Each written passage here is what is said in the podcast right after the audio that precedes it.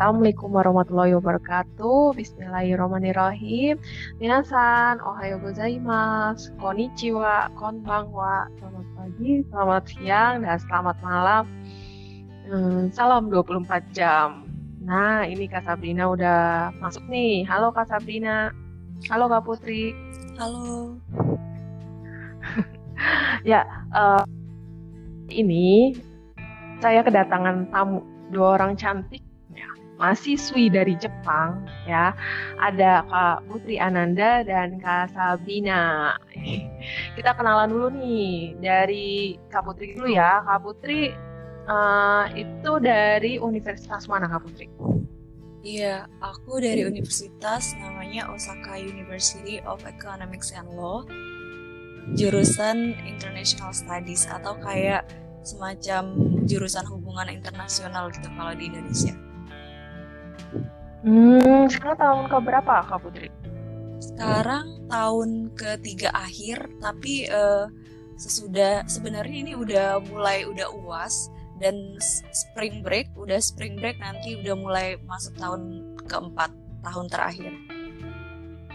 Oh, jadi satu tahun lagi mau lulus nih ya? Iya, insya Allah. doanya. amin, amin, lancar ya kak ya. Oke, okay, kak Sabrina uh, dari Universitas mana nih kak Sabrina? aku sendiri dari Trident College. Mungkin hmm. bukan universitas tapi lebih ke arah D2 mm -hmm. mungkin ya kalau misalkan di Indonesia-nya. Jurus, oh ya. Jurusannya dari hotel internasional, internasional hotel. Oh, international hotel. Hmm, itu berarti jurusan tentang perhotelan gitu ya, Kak ya? Iya, jurusan tentang perhotelan. Tahun tahun keberapa Kak sekarang nih? Sekarang itu baru mau naik tahun kedua. Baru mau naik. Oh, berarti tahun baru masuk. Tahun terakhir ya? Iya. Oh, baru masuk. Tahun terakhir berarti ya? Iya, insya Allah tahun terakhir lulusnya sih tahun depan. Karena cuma dua tahun aja yang belajar. Hmm, amin. Oh iya, selamat ya kemarin lulus N2 ya. Yeay. Kalau Kak Putri ini N1 JLPT-nya. Iya, saya uh, mungkin uh, kalian beda satu tahun ya. Karena ini dua, ini tahun ketiga. Kak Putri, kalian ada berapa? Aduh, udah tua. udah tua. Soalnya saya kan lebih tua. Sekolah bahasa Jepangnya kan uh, satu tahun setengah dulu, terus sekolah persiapan juga gitu. Jadinya udah tua. oh iya, tidak tidak sesuai ini dengan apa ya usia kalau kampus di Indonesia gitu ya kuliahnya ya. Iya. Pas uh, sebelum cerita nih ya, cerita dulu sebelum masuk ke tema kita kali ini tentang minoritas, cerita tentang uh, perjalanan Kak Putri dari Indonesia ke Jepang, kenapa memilih Jepang dan Kak Sabrina juga tentunya. Ya, uh, gimana nih ceritanya nih dari Kak Putri dulu ya? Boleh. Um, hmm. Jadi waktu, waktu itu SMA. Uh, lulus SMA sebenarnya nggak ada target untuk kuliah ke luar negeri sama sekali, ap apalagi ke Jepang hmm. gitu tapi dari SMA itu memang udah mulai diajak-ajak kayak sama kakak kelas dan guru guru-guru untuk ikut seminar ke untuk kuliah di luar negeri gitu. Tapi untuk jenjang S2 gitu dan untuk pertukaran pelajar nanti kalau misalkan selama S1 di Indonesia gitu. Tapi uh, dan itu nggak ada negara Jepang sama sekali di list saya gitu. Ya dulu incerannya itu kayak Inggris, Amerika, Eropa gitu.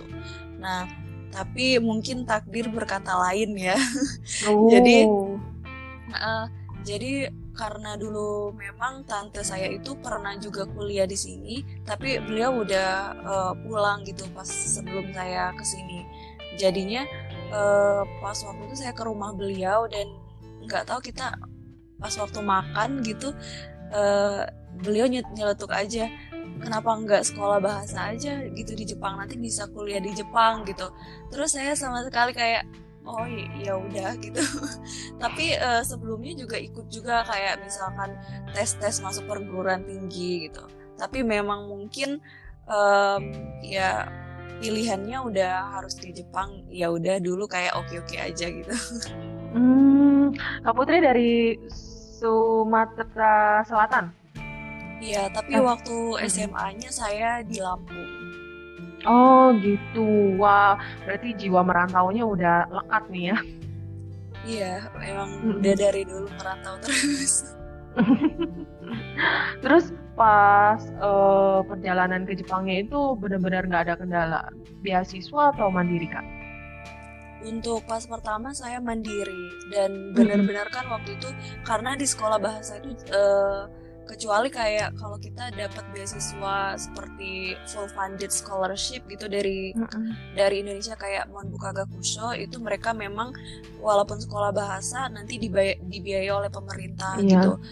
Tapi eh, waktu itu saya kan jalur mandiri ya maksudnya sendiri Mm. gitu. Jadi kayak sekolah bahasanya sendiri, universitasnya juga nyari sendiri. Jadi nggak eh, pakai beasiswa untuk awalnya gitu. Nah waktu itu untuk kayak submit eh, apa ya dokumen-dokumen gitu untuk pendaftaran itu kan eh, kebanyakan mereka berbahasa Jepang juga. Jadi saya dibantuin oleh dosen di Unpad namanya Herdi Sensei Wow. waktu itu. Mm. Jadi beliau yang eh, apa ya yang jadi perantaranya lah waktu itu karena tante saya juga kenal gitu. Jadi nanti kalau misalkan eh, ada butuh dokumen dalam bentuk bahasa Inggris atau bahasa Jepang gitu. Kalau bahasa Inggris waktu itu saya translate sendiri, tapi kalau untuk bahasa Jepang saya eh, pakai eh, bayar penerjemah tersumpah gitu dan lumayan mahal banget gitu. Satu lembar Iya. itu 200 ribuan lah gitu. Hmm, gitu. Perjuangannya ya, subhanallah sekali. Iya. Nah, oh, oke, Kak Sabrina gimana Kak Sabrina? Kak Putri Mm-mm. juga ya. Nah, Sekolah SMA atau SMK kalau Kak Sabrina? kalau aku SMA waktu dulunya. Oh, sama. mm-mm. Jadi benar-benar Mm. nggak ada keinginan ingin ada gitu kan. Cuman kayak belum tahu Mm-mm. jalannya tuh buat ke Jepang tuh kayak gimana. Terus Mm-mm. buat belajar bahasa Jepangnya juga benar-benar dulu tuh nggak tahu sama sekali dan benar-benar dari nol banget belajarnya sama Oh, sekali belum iya. pernah nyentuh. Oh, gitu. Kak Putri juga sama. Sama sekali belum pernah nyentuh bahasa Jepang. Um, waktu itu sih sebelum ke Jepang, jadi karena tante saya juga eh, buka volunteer di rumahnya, jadi saya belajar gitu bareng teman-teman mahasiswa gitu, Eh, belajar mandiri Hmm. aja sebenarnya. Jadi dan di rumah itu ditargetin satu satu hari itu harus eh, hafal kosakata dan per kosakata aja sih kosakata satu bab gitu bukunya Minano Nihongo dulu. Jadi udah jadi dalam waktu 50 hari saya udah tamat tuh dua buku Minano Nihongo. Tapi pas Hmm. waktu ke Jepang itu belajarnya dari hiragana dari hiragana dan katakana lagi gitu kayak huruf dasar Jepang gitu. Karena belum ngerti sama sekali kalau orang Jepang ngom- ngomong gitu. Hmm, iya, lanjutin Kak Sabrina. Gimana? Sama sekali dari nol. Masya Allah. kalau Mm. misalnya komputer kan ada itu ya ada tentunya ya apa sih tentang Jepangnya kan Mm-mm. udah dapat nah waktu itu aku benar-benar gak tahu sama sekali dari keluarga juga belum pernah ada yang apa punya pengalaman buat sekolah di luar negeri kayak gitu kan jadi benar-benar Mm-mm. sendiri waktu itu nyari dan datang kayak lembaga gitu lembaga buat pemberangkatan ke Jepang itu datang datang seminar ke sekolah jadi penjelasan kayak gitu kak penjelasan Hmm. dan tertarik gitu kan kayak penasaran gimana sih gitu kan sekolah ke Jepang dan sebenarnya dulu Mm-mm. juga udah sempat ikutan SNMPTN ya buat masuk perguruan tinggi negeri di Indonesia terus udah Mm-mm. daftar juga buat ke apa SBMPTN cuman karena ngurusin visa waktu itu eh eh, bukan visa maaf paspor yang belum jadi-jadi waktu itu karena saya tinggal di Karawang dipersulit mungkin. Jadi saya langsung berangkat ke Jakarta Selatan. Jadi SBMPTN yang gak ikutan dan ngurusin paspor itu. Dan itu belum tahu lulus apa enggak ke Jepangnya gitu kan. Mm-mm. jadi bener-bener apa ya Bimio gitu apa IY gitu. Jadi bingung deh antara gimana nih SBMPTN atau itu gitu kan waktu awal juga Hmm. udah sempat diterima di UM itu jurusan mandiri gitu kan di Telkom. Tapi Mm-mm. dilepas gitu aja padahal itu beasiswa. Dan lebih memilih berangkat ke Jepang. Hmm. Hmm, terus belajar bahasa Jepangnya pertama kali di Jepang. Eh, pertama kalinya itu sedikit ikut les ya. Ada dua tempat sekaligus ikut waktu itu karena buat ngejar gitu kan sebelum tiga tiga bulan berangkat sebelum berangkat ke Jepang itu ikut les dulu sebelumnya di tempat tinggal di Karawang. Hmm. Di yang lembaganya itu ya, lembaga yang menyalurkannya itu atau beda lagi? Lembaga penyaluran itu ada di Bandung kan. Nah, Hmm, Jadi gitu. eh, ikut les biasa aja yang ada di dekat tempat sama tempat tinggal gitu. Jadi bisa bolak-balik pulang dari rumah ke tempat les kayak gitu. Terus eh, memilih apa sekolah bahasa Jepang yang di sana dan universitasnya itu gimana ceritanya apply apply-nya? Dari lembaganya kah atau nyari sendiri dari Indonesia kah atau gimana? Nah, kalau misalkan pertama kali kan sekolah masuk itu ya sekolah bahasa Jepang itu udah dari lembaganya. Jadi kayak langsung disalurin buat masuk ke sekolah bahasa Jepang itu. Kebetulan waktu itu saya sekolah bahasa Jepangnya di Okayama.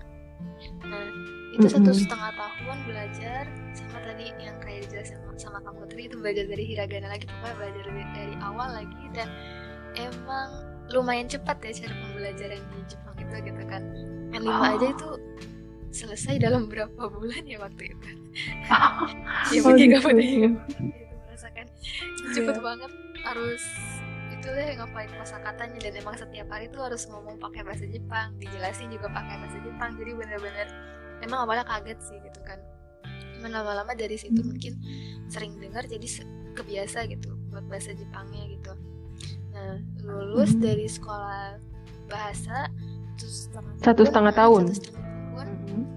sebelum lulus itu udah langsung dicari dulu sama kayak tadi juga eh, ikut open kampus Setsumai kayak kayak gitu kan ikut open kampus Setsumai itu kayak eh, open campus Iya, gitu ya Setsumai itu.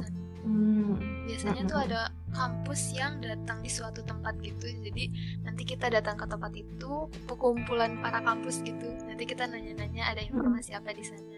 Atau kita sendiri yang apa yang punya kesadaran buat nyari informasi kampus itu sendiri. Jadi langsung datang ke kampusnya. Biasanya kayak gitu. Hmm. Terus eh, memilih kampus jurusan yang kakak sekarang ini karena apa nih kak? Eh, karena ya waktu itu sempat di shokain juga sama sensei dikenalin gitu kan. Dikenalin sama sensei kalau misalkan ini kayaknya recommended gitu kampus ini gitu kan. Terus bagus Mhm. dan di kampus ini juga banyak jurusannya sebenarnya gitu kan. Ada jurusan komputer ada jurusan hotel juga ada jurusan bahasa dan bahkan ada jurusan bahasa Indonesia juga gitu kan di uh, di Semoga saya yang sekarang. Jadi ya Mm-mm. nyoba-nyoba pernah di sel- eh, selain kampus aku gitu kan ada juga ternyata itu harus punya N2 dulu sedangkan aku waktu itu belum punya apa-apa sama sekali N5 juga Hmm. belum punya karena langsung disuruh N3 kan itu kurang Hmm. satu tank ya nilainya kurang satu poin jadi Oh. gagal Satu tank. Satu poin.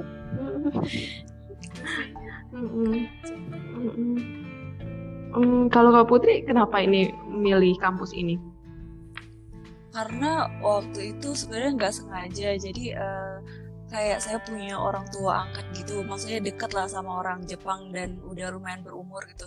Nah waktu itu eh, sering kayak main ke rumahnya. Nah, pas waktu eh, dijemput dari stasiun ke rumahnya jadi di perjalanan itu eh, kita em, apa kayak ngeliat ada open campus eh, di mana kampusnya itu deket banget dari rumah mereka eh, beliau ini gitu. Jadi beliau bilang "Eh, ini kampusnya katanya bagus loh Put gitu. Coba aja kamu daftar ke sana gitu. Siapa tahu ada jurusan yang apa yang cocok sama kamu gitu.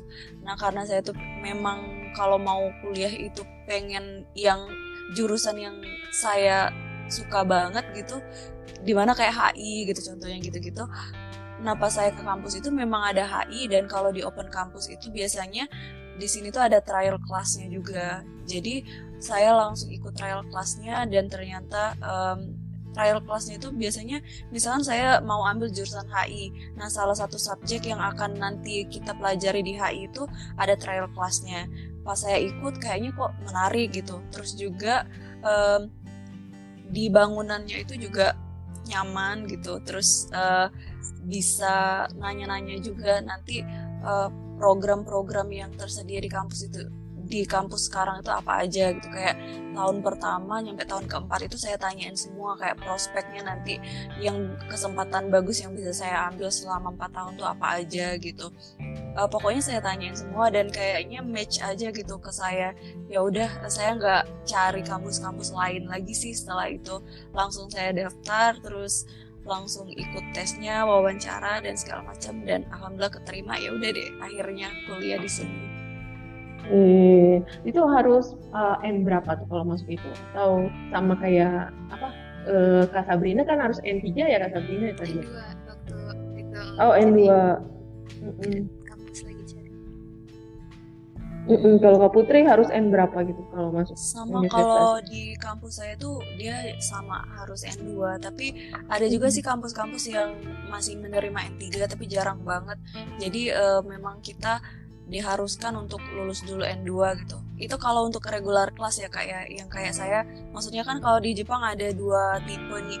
Ada yang kelas internasional yang pakai bahasa Inggris 100% itu mereka menyaratkan dia TOEFL IBT biasanya minimal 78 atau 80 per 120 kalau yang regular kelas itu disyaratkannya N2 gitu. Skornya tapi uh, yang penting lulus aja gitu. Skornya nggak nggak jadi patokan. Yang penting N2 aja gitu. Yang penting N2 ya. Oke. Okay. sama Eju juga.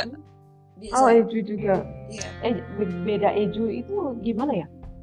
Kalau aja kan ya kalau Eju itu dia uh, ada kalau JLPT kan atau kemampuan tes bahasa Jepang itu dia kan cuma ya? bahasa Jepangnya kan. Nah kalau mm. Eju itu dia ada kayak uh, matematika gitu-gitu, oh. fisikanya gitu-gitu. Mm uh, Kak Putri udah punya Eju berarti? Atau? Iya waktu itu soalnya disyaratkan juga untuk masuk hmm. kampus. Oh jadi Eju dan JLPT ya. Kalau Kak Sabrina uh, eh, JLPT aja ya? Iya JLPT aja. Waktu itu juga ingin kan kalau misalnya masuk universitas ya terutama ya bener harus ngambil EJU dulu. Cuman karena gak tahu ya gak sanggup gitu kan.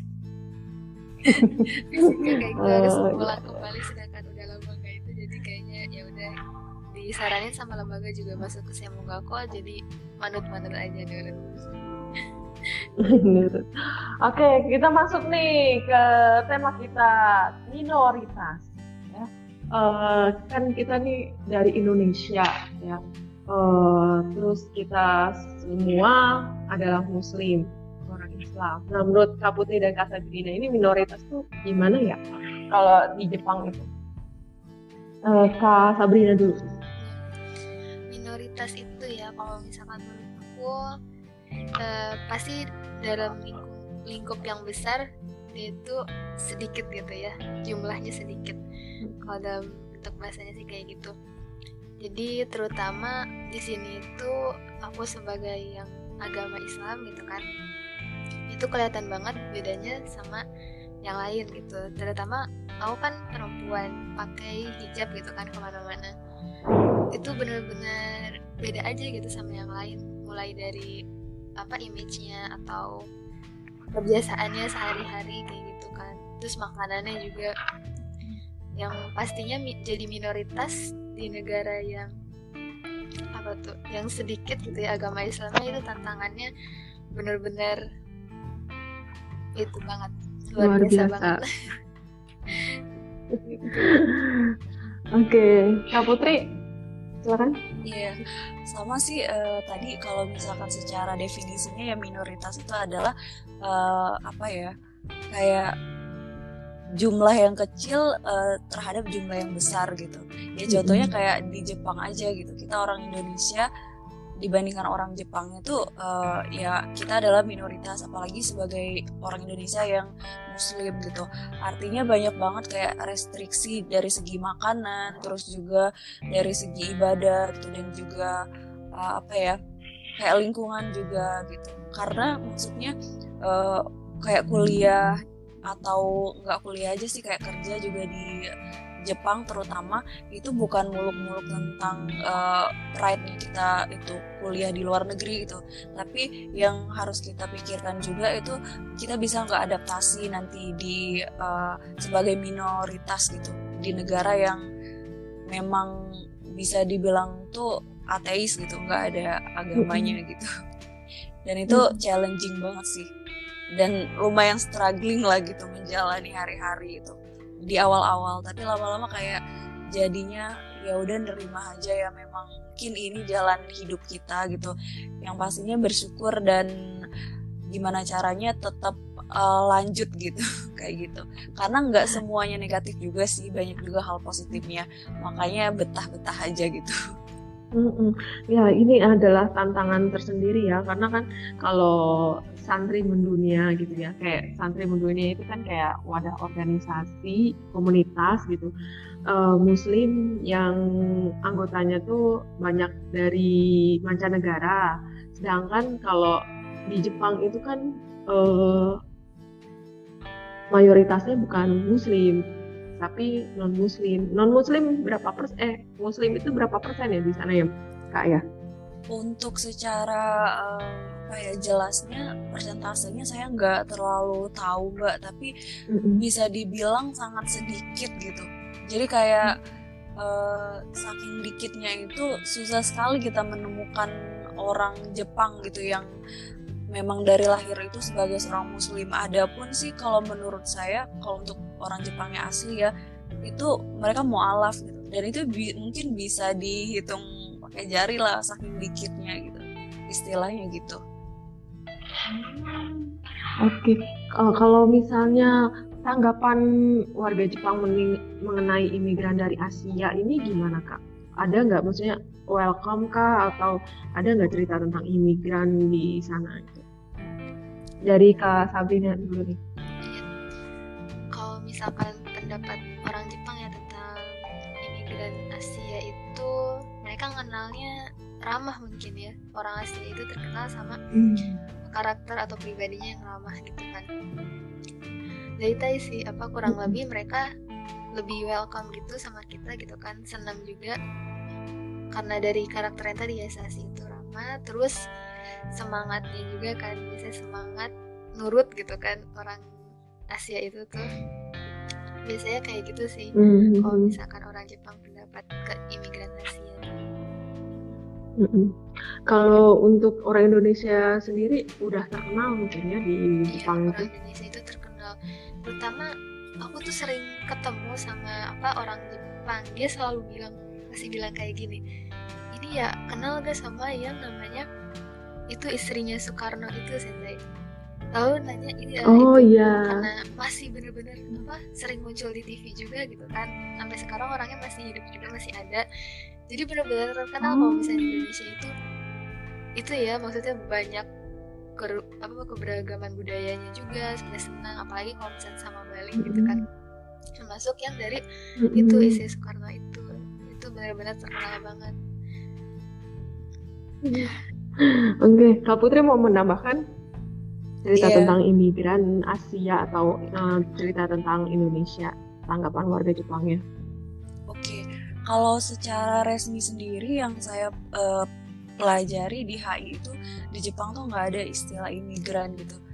Jadi hmm. uh, ya jadi uh, salah satu negara yang maksudnya nggak nggak terlalu menerima imigran ya beda kayak misalkan ada kayak imigran apa tuh eh, Pakistan, mm -hmm. Pakistan gitu kayak di Inggris gitu nah kalau Jepang tuh sangat jarang sekali mm -hmm. gitu kayak uh, imigran gitu tapi maksudnya ada sih ada gitu tapi nggak terlalu banyak. Nah kalau untuk Indonesia sih uh, biasanya orang-orang yang kerja gitu pelajar. Jadi orang Indonesia itu terkenalnya sebagai pelajar kali ya di sini tuh. Pelaj jadi pelajar dan pekerja gitu ya? Ya pelajar dan pekerja lah gitu.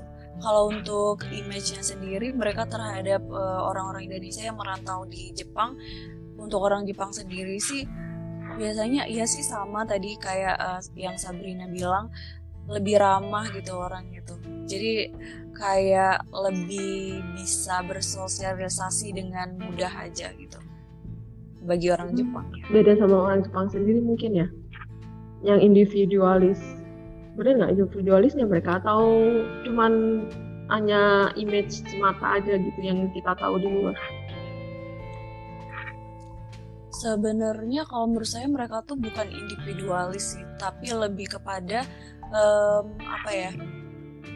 sangat menjaga privasi mereka Hmm. gitu dan eh, takut mengganggu privasi orang lain gitu. Jadi di Jepang itu sangat eh, mengagungkan eh, privasi masing-masing orang. Jadi kayak misalkan nih contohnya, misalkan aku nih eh, kakak adik gitu. Aku kalau misalkan padahal itu kakak adik kandung gitu. Kalau aku mau pinjem barang entah itu baju gitu sama adekku itu aku harus bilang dulu gitu harus pinjem dulu. Kalau kita kan kalau di Indonesia ya udahlah gitu. Nanti juga eh, kalaupun nggak izin nanti paling marah dikit gitu. Kalau orang di sini tuh nggak bisa kayak gitu. Jadi bener-bener kita harus pinjam dulu. Dan saya tuh baru tahu setelah udah lama, udah lama di sini gitu ternyata eh, kebanyakan orang Jepang itu suami istri mereka itu bednya beda gitu kalau tidur. Jadi deketan aja tapi bednya masing-masing. Karena kan mereka biasanya kasurnya itu kan yang langsung kayak di lantai Mhm. gitu kan bukan yang kayak eh, kita kayak ada Mhm. tiangnya gitu. Nah itu tuh mereka beda-beda gitu bukan kayak satu kasur gitu. Saking maksudnya mereka tuh sangat eh, menjaga privasi dari masing-masing gitu. Tapi karena negara ini tuh sekuler atau mereka tuh tol, eh, jadi toleransinya tinggi gitu. Sebenarnya karena sekuler jadi lebih ke bodo amat gitu. Jadi makanya saya sebagai seorang muslim juga walaupun minoritas nggak terlalu yang kayak ada diskriminasi atau apa. Bahkan nggak pernah ya saya mengalami eh, diskriminasi kayak masalah pakai hijab dan segala macam. Karena mereka lebih ke bodo amat gitu. Karena tadi sih karena eh, masyarakatnya itu sekuler gitu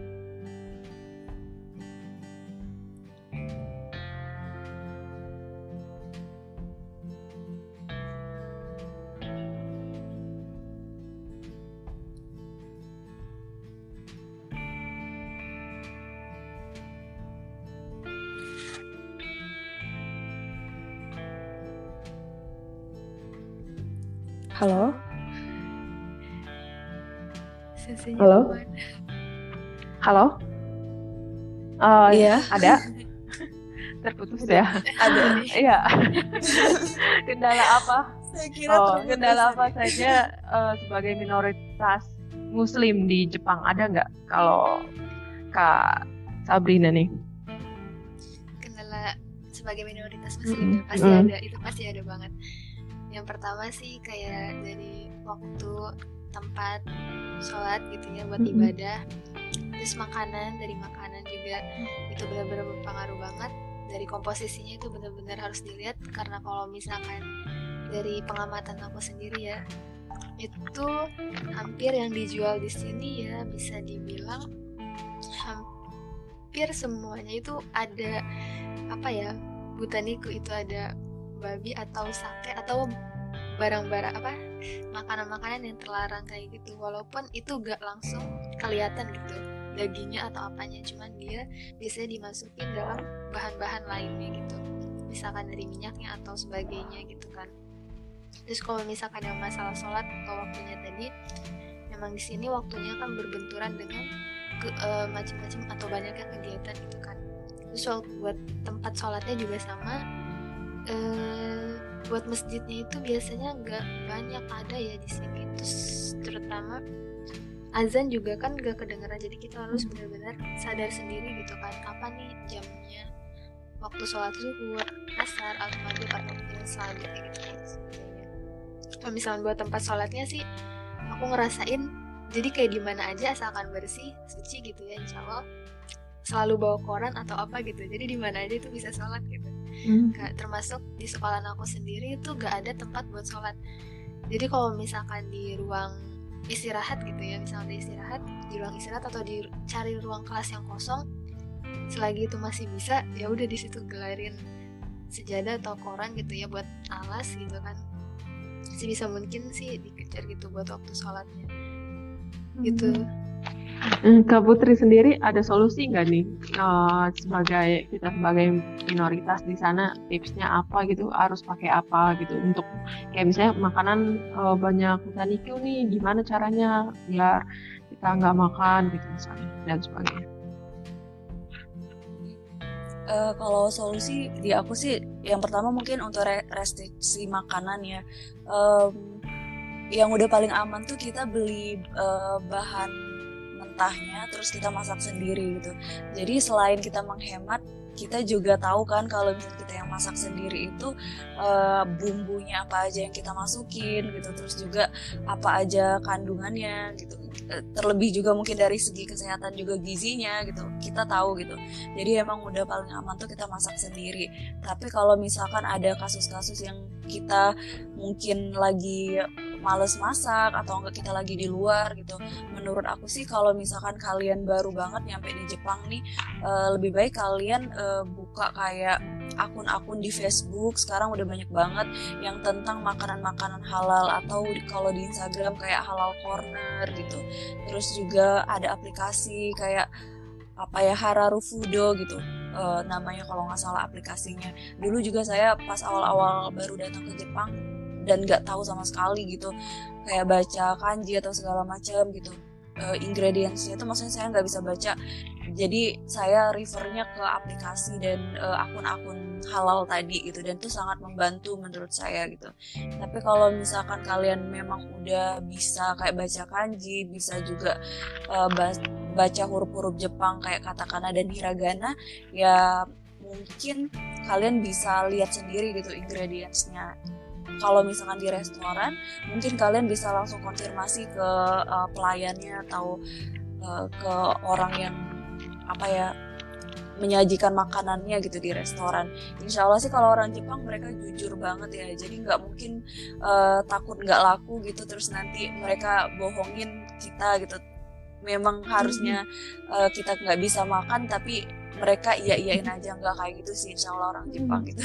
Insya Allah mereka jujur deh gitu ya tergantung kitanya hmm. gitu berniat untuk uh, bertanya atau enggak gitu atau mungkin kalian bisa kalaupun keluar bisa bawa bekal sih karena uh, membawa bekal ke mana-mana itu kayak udah common thing banget gitu di Jepang kayak hmm. misalkan kita kuliah atau ke sekolah bahkan di SD SD di SMP SMA gitu di Jepang itu um, mereka tuh nggak ada kantin uh, nggak ada kantin ya bener. Kalau di kuliah ada gitu.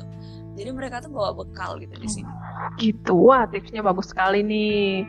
Nah kalau yeah. kalau Kak Sabrina pernah nggak uh, waktu di Jepang itu mengalami diskriminatif uh, Muslim gitu? Diskriminatif. Uh, diskriminasi misalkan, gitu. Oh, iya, diskriminasi. Kalau misalkan buat dalam hal langsung misalkan kayak hmm. apa ya di, kita lihat beritanya di belahan negara lain gitu mm-hmm. ya yang benar-benar kelihatan banget gitu diskriminasinya. Alhamdulillah di sini enggak enggak sih ya enggak terlalu. Paling orang mungkin ngelihat kita pakai kerudung atau apa karena beda dari yang lain ngeliatinnya aneh aja gitu ngeliatin biasa gitu. Cuman sampai ngomongin atau apa mungkin kayaknya sih enggak ya. Pernah juga ketemu sama anak kecil gitu bareng sama orang tuanya ya di Indonesia di kereta gitu terus anak kecil itu penasaran gitu kan kayaknya beda gitu kan itu pakai apa sih di kepala gitu kan. Kayaknya nanya gitu kan ke ibunya terus ibunya ngejelasin udah udah nggak apa-apa gitu. Intinya sih ya udah gitu kan. Kayak hmm. itu tuh orang luar negeri jadi kita sebagai manusia ya juga harus saling menghormati kan. Terus anak kecil jadi ya senyum-senyum aja kayak gitu kan. Hmm. jadi benar-benar di sini itu kalau misalnya bisa dibilang sifat orang Jepang itu ya hampir mirip dengan sifat orang Muslim gitu. Dan mereka benar-benar ngaplikasiin sifat-sifat itu tuh ke dalam kehidupannya sehari-hari gitu. Dan itu hmm. kita sebagai Muslim di sini juga benar-benar ngerasa aman gitu dan nyaman sih walaupun misalkan ada perbedaan juga gak terlalu banyak ya. Mungkin dari makanan aja sih yang hmm. paling kentara gitu kelihatan makanan dan sholat itu ya ketika sholat itu ya nah kalau gitu waktu pertama kali bersosialisasi dengan penduduk itu gimana? Uh, biasa aja welcome atau pertama tuh malu-malu atau gimana nih Kak Sabrina? seneng ya pertama kali itu apa perasaan euforianya gitu ya perasaan senangnya itu masih kerasa gitu kan belum kerasa capeknya dulu waktu di Jepang. Jadi setiap ketemu sama orang Jepang buat trainshu latihan bahasa Jepang juga itu selalu bilang gitu dari diri sendiri kayak konnichiwa atau ohayo gozaimasu kayak salam hmm. dulu gitu. Dan mereka juga nanggepnya dengan welcome gitu ramah juga ya bisa dibilang orang Jepang itu ramah. Jadi dibalas dengan konnichiwa juga atau senyum atau kalau misalkan kita lagi diem aja gitu kan ada orang Jepang yang penasaran sama kita kayak kemarin tuh ada saya dipanggil hai gitu kan hai hello gitu kan. Jadi diajak ngobrol dan dia sepertinya mau ngomong pakai bahasa Inggris gitu kan uh, jadi benar-benar ramah gitu orang Jepang mm. ngajakin ngobrol apa gitu kan oh bukan orang yang pemalu gitu ya orang Jepang ya Kak Putri gimana? Kak Putri gimana iya. waktu bersosialisasi dengan penduduk dengan orang Jepang? Ceritanya.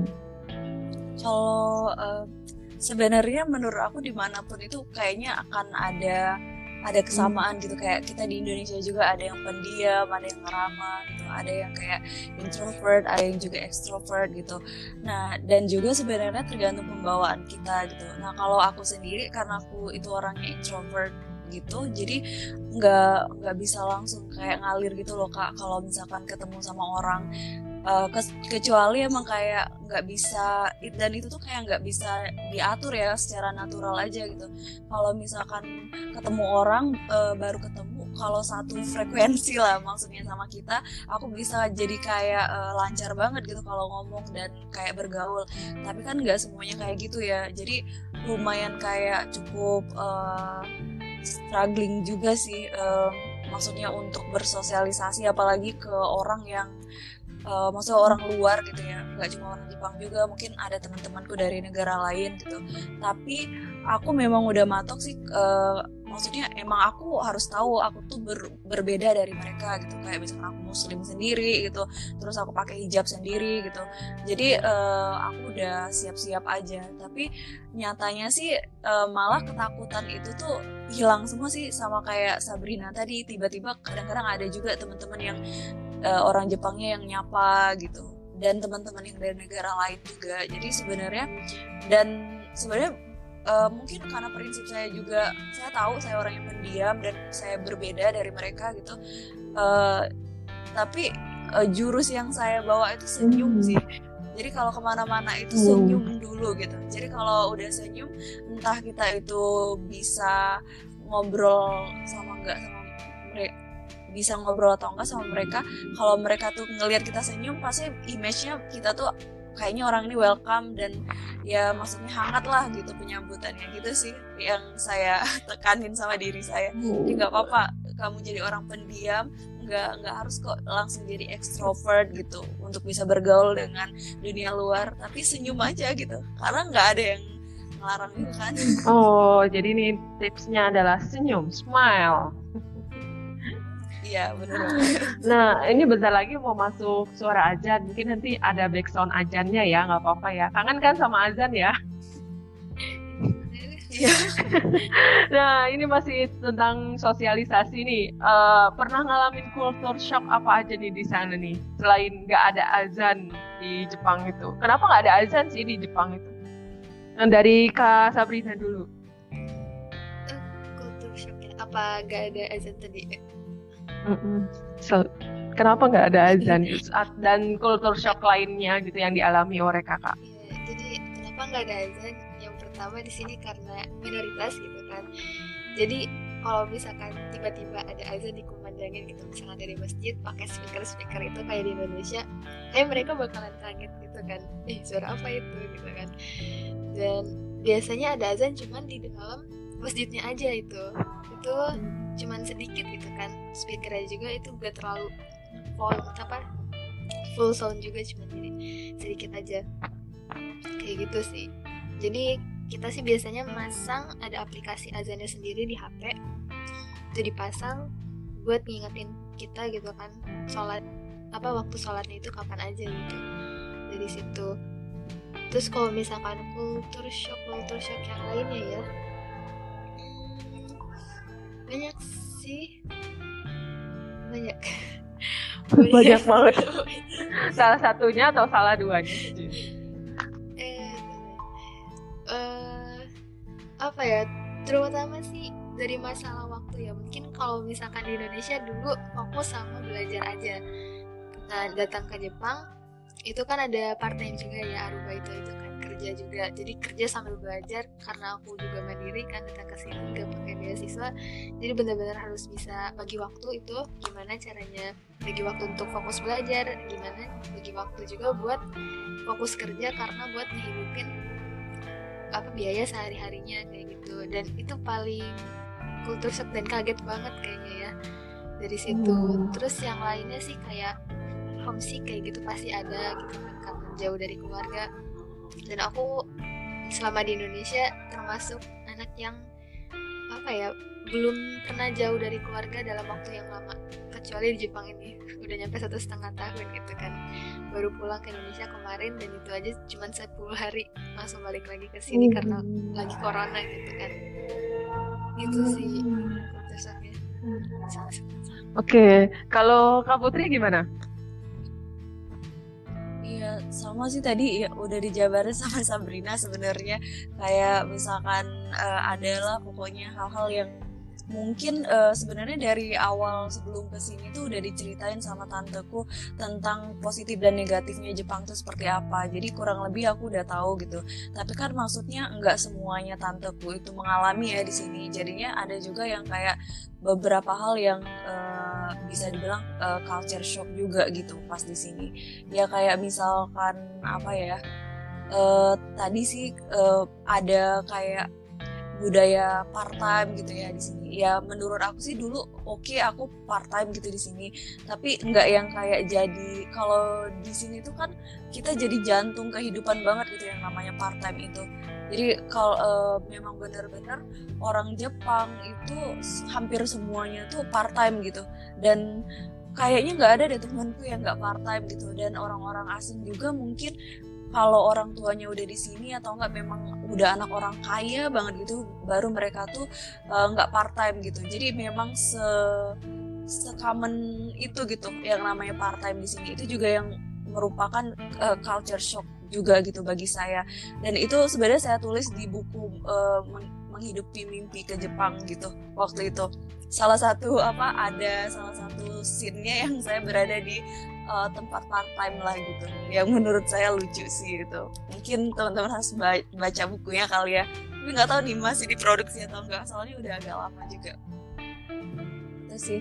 Sama mungkin kayak uh, hal-hal kecil sih. Ada kayak um, kalau misalkan di Indonesia ya misalkan kita megang kepala gitu walaupun sesama temen tuh kayaknya udah udah nggak sopan banget gitu. Tapi kalau orang Jepang tuh malah itu uh, bercandaan biasa gitu kalau misalkan uh, misalkan kita sesama kayak teman-teman kayak ngegetok kepala gitu. Menurut mereka biasa aja. Menurut kita kan kayak kayaknya mereka melecehkan saya atau gimana gitu. Mencari kerja di Jepang susah nggak ya kak? Uh, kan tadi kita ngebahas Aruba itu nih. Karena mereka survive mengingat muslim itu kan pakai hijab ya gitu.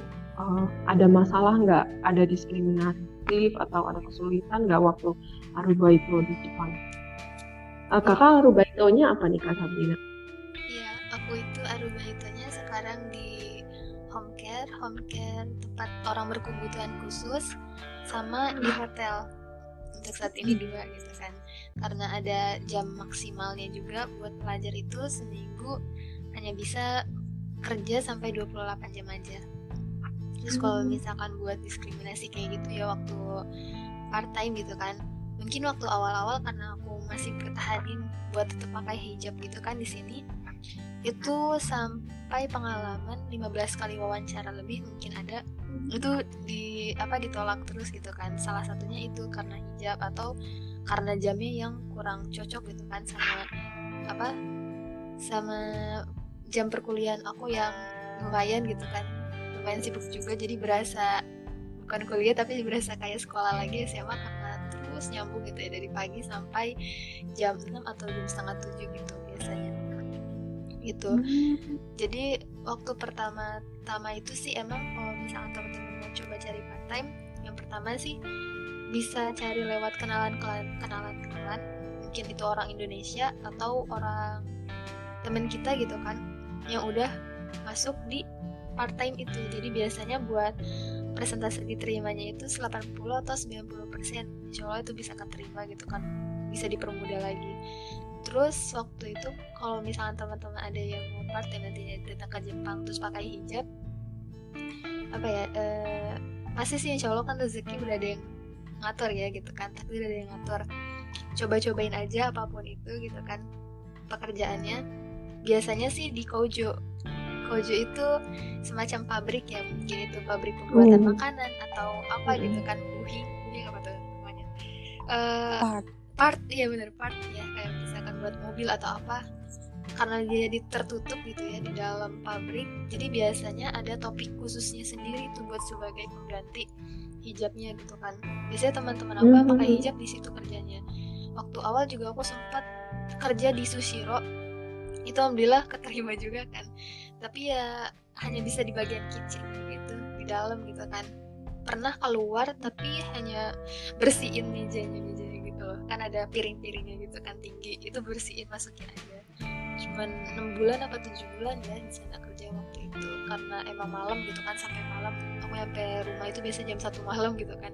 Besoknya langsung hmm. sekolah jadi ganti lagi pekerjaan lain gitu. Wow gitu. Kalau kak Putri gimana kak Putri? Ya kalau kak Putri kerjanya di mana? Kalau aku kalau aku sekarang kerjanya di kayak convenience store gitu. Kalau namanya sih Seven Eleven. Kayaknya udah common juga ya untuk orang-orang mm. Indonesia kayak Alfamart, Indomart Indomaret gitu ya kalau di Indonesia gitu. Jadi aku uh, sebenarnya motivasinya itu biar aku nggak kelewatan bangun subuh gitu. Jadi aku ambilnya shiftnya itu yang eh, pagi-pagi dari jam 6 pagi sampai jam 9 gitu. Seminggu dua kali. Jadi uh, eh, 6 jam gitu uh, kerjanya. Hmm. Jadi kayak gitu. Nggak ada kesulitan Aruba itu gitu. Oh, um, untuk kesulitan sendiri sebenarnya um, alhamdulillah nggak ada karena nggak tahu kenapa di di karena aku di Osaka jadi uh, lumayan banyak kayak turis-turis asing gitu. Kalau pas waktu sebelum corona jadinya uh, untuk di kayak di tempat-tempat keramaian juga malah uh, mereka nggak apa-apa gitu kalau kita pakai hijab gitu. Dan memang benar sih tadi kata Sabrina aku juga milih yang sebisa mungkin nggak melepas hijab gitu. Bukan sebisa mungkin sih memang harus milih yang nggak pakai nggak nggak melepas hijab gitu.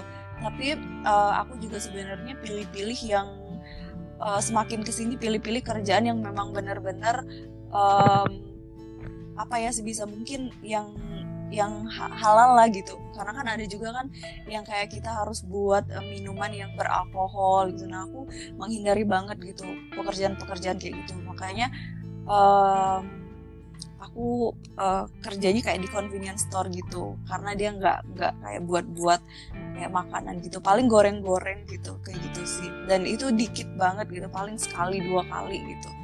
Dan karena juga alhamdulillah kalau di aku dapat beasiswa juga jadi um, maksudnya bisa kadang-kadang bisa mengcover lah gitu kayak hmm. tapi benar sih kata Sabrina tadi rezeki itu udah ada yang ngatur gitu jadi sebenarnya uh, orang yang dapat full scholarship juga sebenarnya kalau ada aja gitu kayak uh, tantangannya atau hal yang harus diperjuangkan. Jadi sebenarnya dapat beasiswa juga nggak jadi takaran sih kak. Banyak juga teman saya yang nggak dapat beasiswa sama sekali di sini dan mereka hidupnya bahkan lebih lebih apa ya? Lebih lebih sejahtera. Ya ya benar lebih sejahtera dari uh, gue gitu kayaknya. Waduh kok kayaknya dia hidupnya sejahtera banget ya jalan-jalan ke sini ke situ gitu. Terus kayak beli beli hal-hal yang mereka inginkan tuh mudah banget. Sedangkan saya harus harus berhemat banget gitu. Ya tapi ya itu dia sih. Namanya rezeki itu udah yang ngatur gitu gitu. Jadi tips yang buat Aruba itu ini cocokin jadwal dulu ya. Yang iya. kedua mungkin uh, cocokin apakah nih perusahaan atau tempat kerja itu punya eh, apa bisa menerima yang berhijab atau enggak gitu ya kayak. Ya?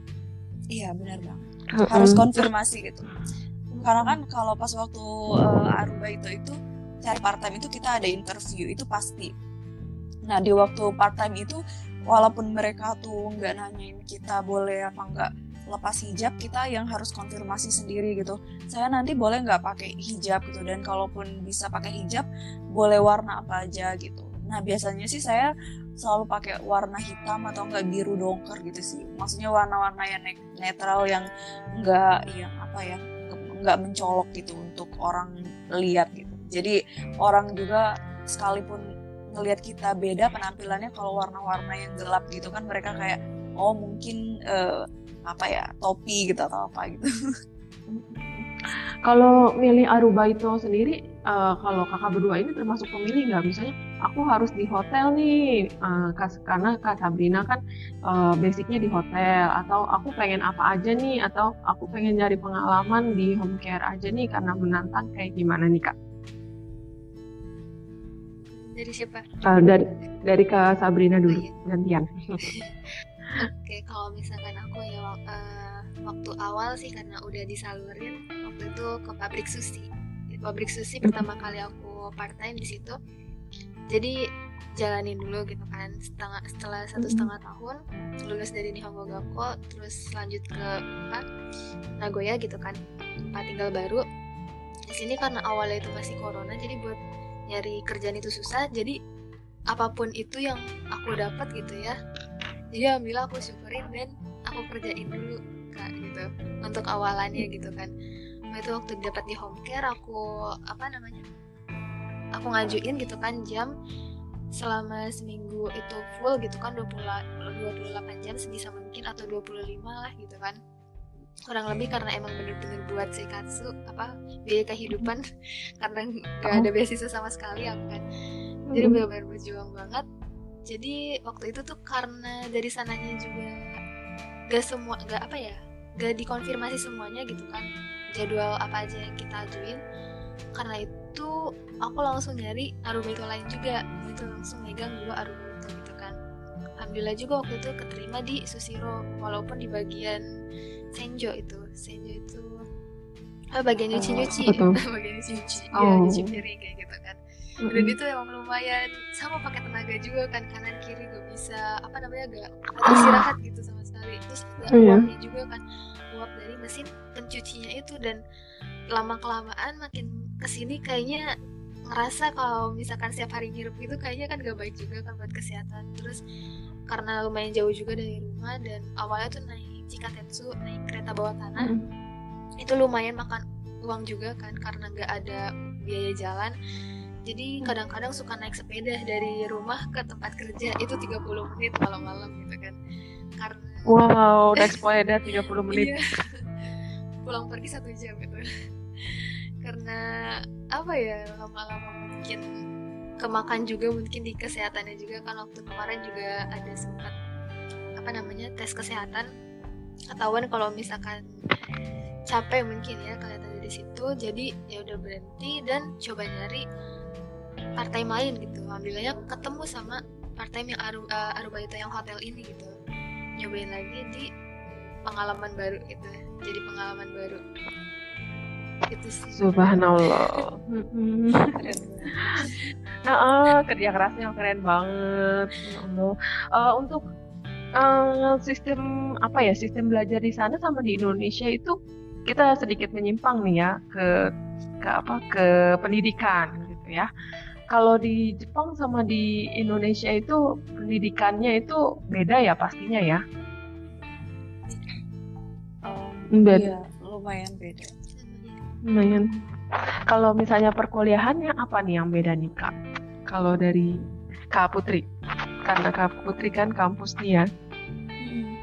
uh, kalau kalau misalnya secara realnya karena aku maksudnya enggak kuliah dulu di Indonesia terus uh, lulus terus baru kuliah di sini jadinya sebenarnya aku nggak terlalu tahu tapi kalau misalkan kayak dengar dari teman-teman aku gitu um, perbedaannya itu mungkin kalau di sini kayak kita internship itu kita jadi pilihan gitu kak. Kalau di Indonesia eh, nggak uh, tahu deh saya tapi kebanyakan kayaknya KKN tuh hampir semua ya gitu atau Iya, harus gitu ya KKN kan hampir semua. Kalau di sini tuh kita milih gitu kalau mau KKN ya KKN kalau enggak ya udah. Dan kalau internshipnya itu kita eh, ada dua sih ya ada yang dihitung apa namanya dihitung SKS-nya se- eh, biasanya dua SKS ada juga yang enggak gitu nah kalau yang dihitung masuk dua SKS itu biasanya yang kampus-kampus yang punya kerjasama de- eh perusahaan yang punya kerjasama dengan kampus tapi kalau di luar itu sebesar apa pun lembaga atau institusinya biasanya nggak akan masuk dari nggak akan eh, dapat SKS gitu. Nah Hmm. untuk saya sendiri sih saya nggak nggak internship sama sekali dan itu nggak masalah sama sekali gitu. Karena mungkin ada beberapa yang saya pertimbangkan gitu. Eh, ya maksudnya salah mungkin satunya Ya sebenarnya sih waktu itu saya targetin untuk pertukaran pelajar ke negara luar Jepang. Nah karena Mhm. corona jadinya jadi nggak jadi gitu akhirnya. Itu sayang banget sebenarnya karena padahal Ya. udah keterima ya.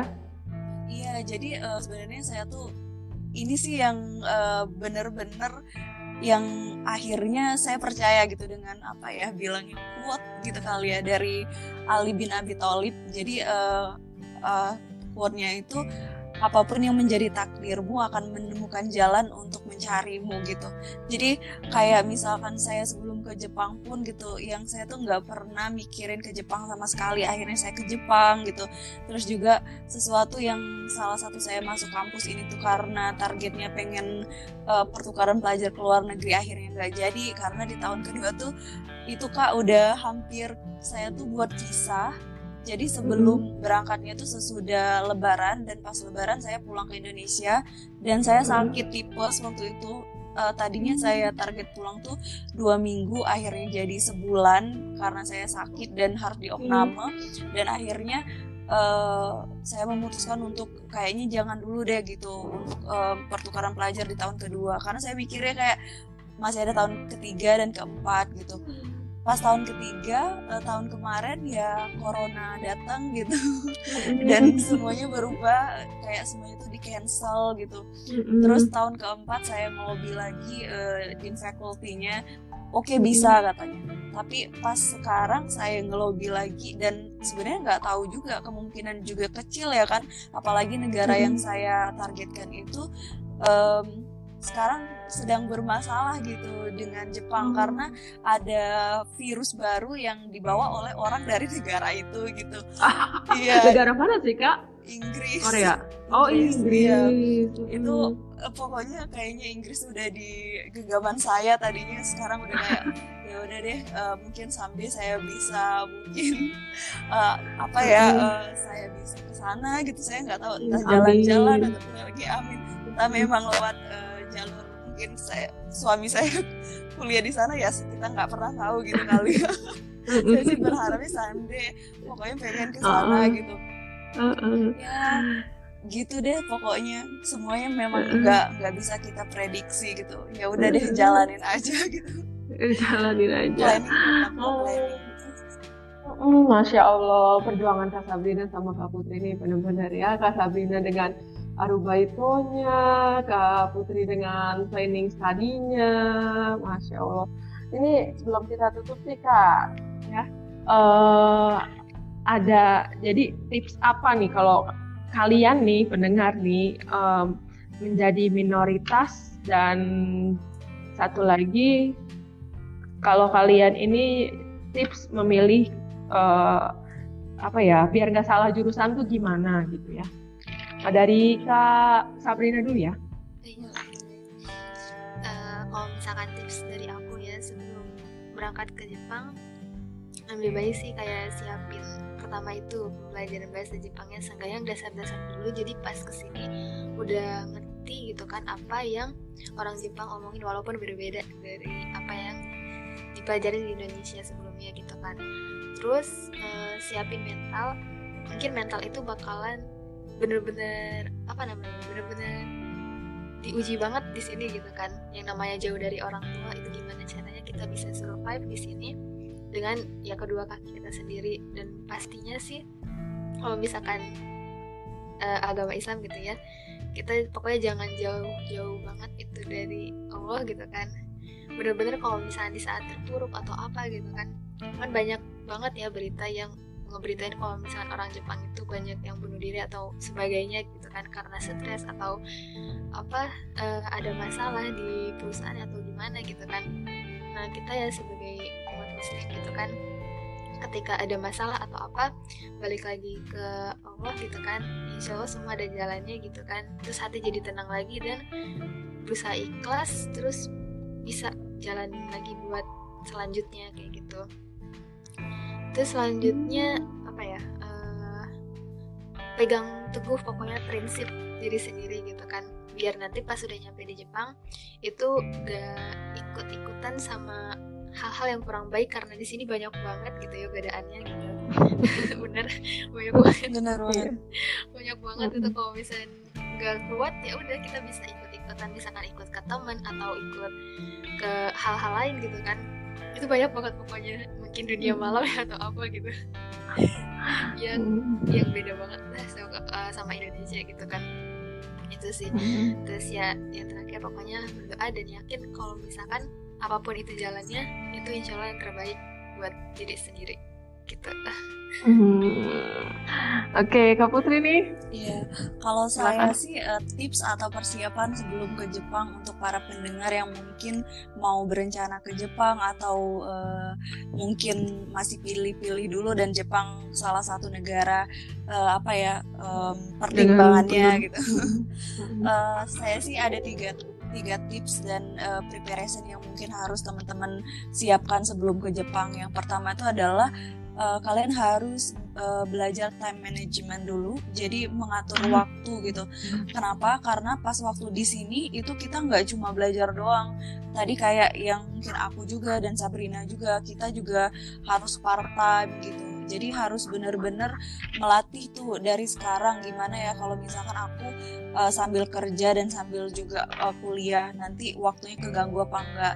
Terus juga apalagi aku uh, tipe orang yang uh, suka banget berorganisasi gitu. Jadi gimana caranya mengatur antara organisasi part time dan juga sekolah gitu. Jangan sampai nanti uh, sekolahnya terbengkalai. Itu sih uh, kenapa aku bilang time managementnya harus uh, diperkuat dulu gitu. Terus yang kedua adalah cara mengatur keuangan mungkin ini hal yang mungkin terlupakan dan nggak nggak dianggap penting ya bagi orang-orang tapi menurut aku penting banget karena banyak banget aku ngelihat teman-teman aku di sini uh, aku nggak nggak menjudge orang ya kak ya tapi menurut aku mm-hmm. itu yang aku pelajari dan harus aku terapkan ke diriku dan aku share ke orang-orang banyak banget orang-orang yang di sini uh, karena part time itu gajinya gede banget di sini jadi mm-hmm. mereka um, uh, lebih konsen ke kerja gitu daripada ke belajarnya. Padahal menurut aku uh, setelah nanti kita sekolah itu yang dilihat itu bukan cuma pengalaman part time doang gitu tapi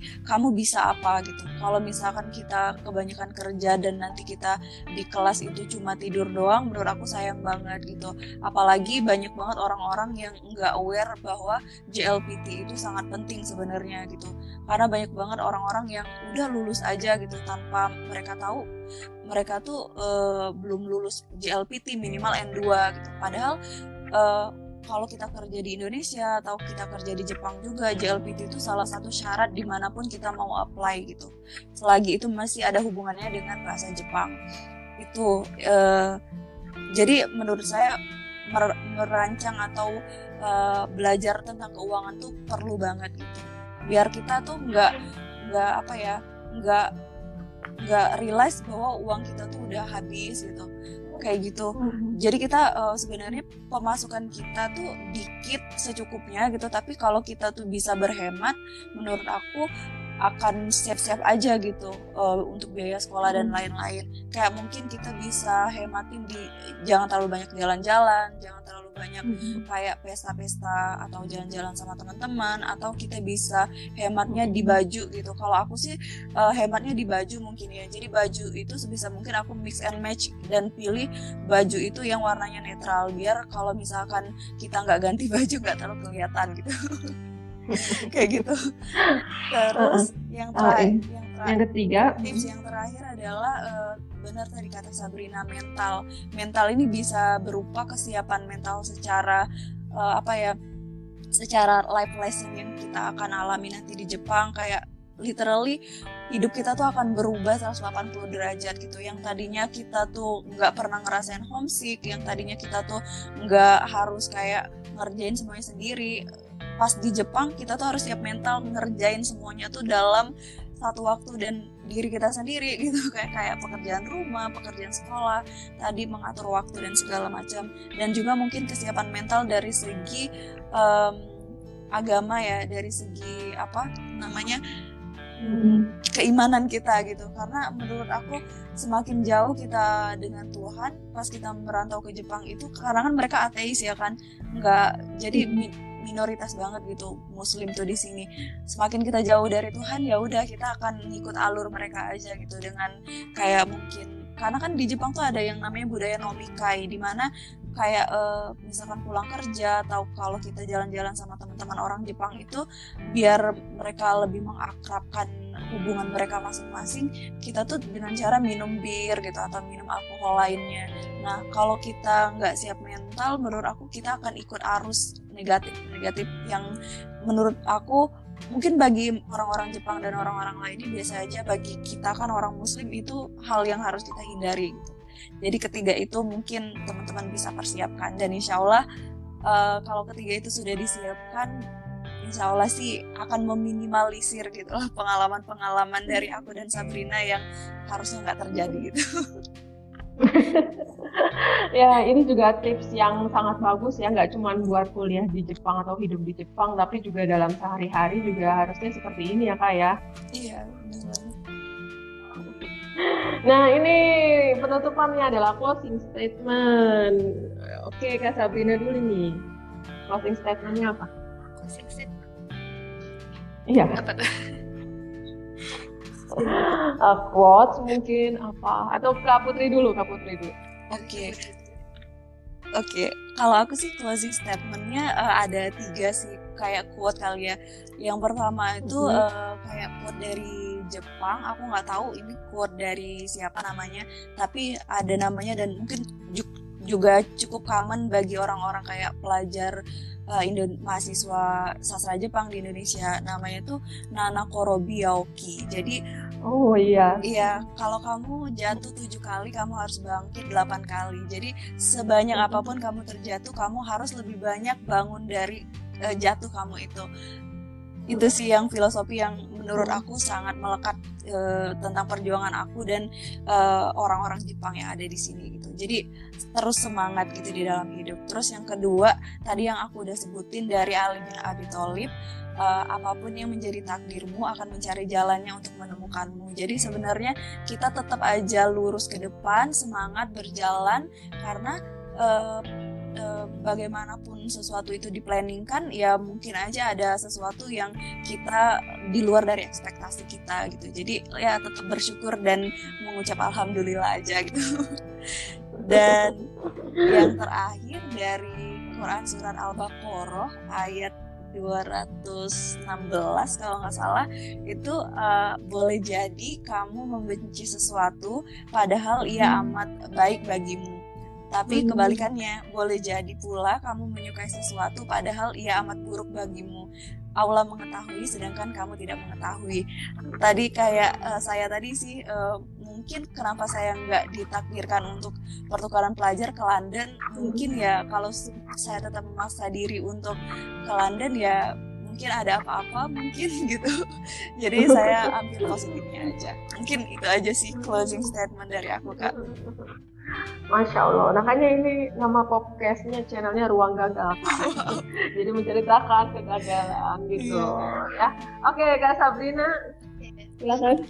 Nah, kalau misalnya sebenarnya ada miripnya juga yang tadi itu apa sih mm-hmm. kalau misalkan gagal atau jatuh itu bangkit lagi saya juga kemarin-kemarin itu sempat di apa dikasih motivasi juga sama apa tuh bapak ketua lembaga saya juga kalau misalkan coba pakai filosofi sebagai seorang anak kecil gitu kan. Jadi seorang anak kecil itu benar-benar penasaran sama suatu hal baru gitu kan. Nanti kalau misalkan Hmm. udah kejedut atau apa gitu kan biasanya dari situ dia bakalan bisa belajar dan membuat sesuatu itu tuh jadi pembelajaran baik buat dirinya gitu kan. Dari suatu saat itu nggak melakukan yang kedua kalinya. Terus ada juga eh, ini ada tujuh prinsip Bushido namanya ini biasanya suatu jalan hidup yang diambil dari prinsip-prinsip dalam hidup seorang samurai pada masa zaman kuno itu. Lumayan banyak sebenarnya ini ada tujuh. Bisa dicari juga ada di Salah satu aja. salah satunya Hmm. itu mungkin ini ya apa sih makoto. Artinya itu bersikap tulus tanpa pamrih gitu. Hmm. jadi benar-benar harus ya melakukan sesuatu coba terus gitu kan apa pun yang terjadi gitu kan. Terus aku juga pernah dapat Mhm. eh, suatu quotes juga dari guru juga mungkin di sini. Karena kalau misalkan ada apa namanya ada masalah atau apa itu semua tuh hanya masalah waktu. Karena kelamnya tengah malam itu tanda fajar akan segera menyingsing Eh, dari Wah. aku sih Ap- tetap jadi orang baik pokoknya mencari lingkungan yang baik juga. Karena insya Allah ya akan ada manfaat yang didapat dari kebaikan itu sendiri saya tetap pegang Hmm. prinsip diri sendiri gitu kan Oh, masya Allah. Ini sebenarnya pengen ngobrol terus, tapi udah satu jam. Nanti pendengarnya mau nggak ya dengerin? Oh, seru banget ya ngobrolnya. Ini sebenarnya banyak yang pengen saya tanyain dan banyak juga pendengar yang nitip tanya ke saya gitu tentang macem-macem. Mungkin nanti bakal ada part 2-nya gimana? boleh boleh Masih banyak penasaran-penasaran yang ingin dibahas sebenarnya tentang kejepangan itu. Tapi makasih banyak ya Kak ya udah gabung di podcast saya kali ini Kak Sabrina, Kak, Put eh, Kak Putri Ananda. Mm, saya saya tutup dulu ya. Minasan, terima kasih yang udah mendengarkan podcast saya sampai selesai. Semoga bermanfaat bagi kalian semua eh, dan bisa diterapkan di kehidupan. Karena kalau cuma didengarkan tapi di- tidak diterapkan itu sama saja eh, nol ya. ya eh, kita sama- sama-sama ya. Sayonara semuanya. Arigatou gozaimashita. terima kasih Sayonara Kak Sabrina. Sayonara. Sayonara Kak Putri. Assalamualaikum.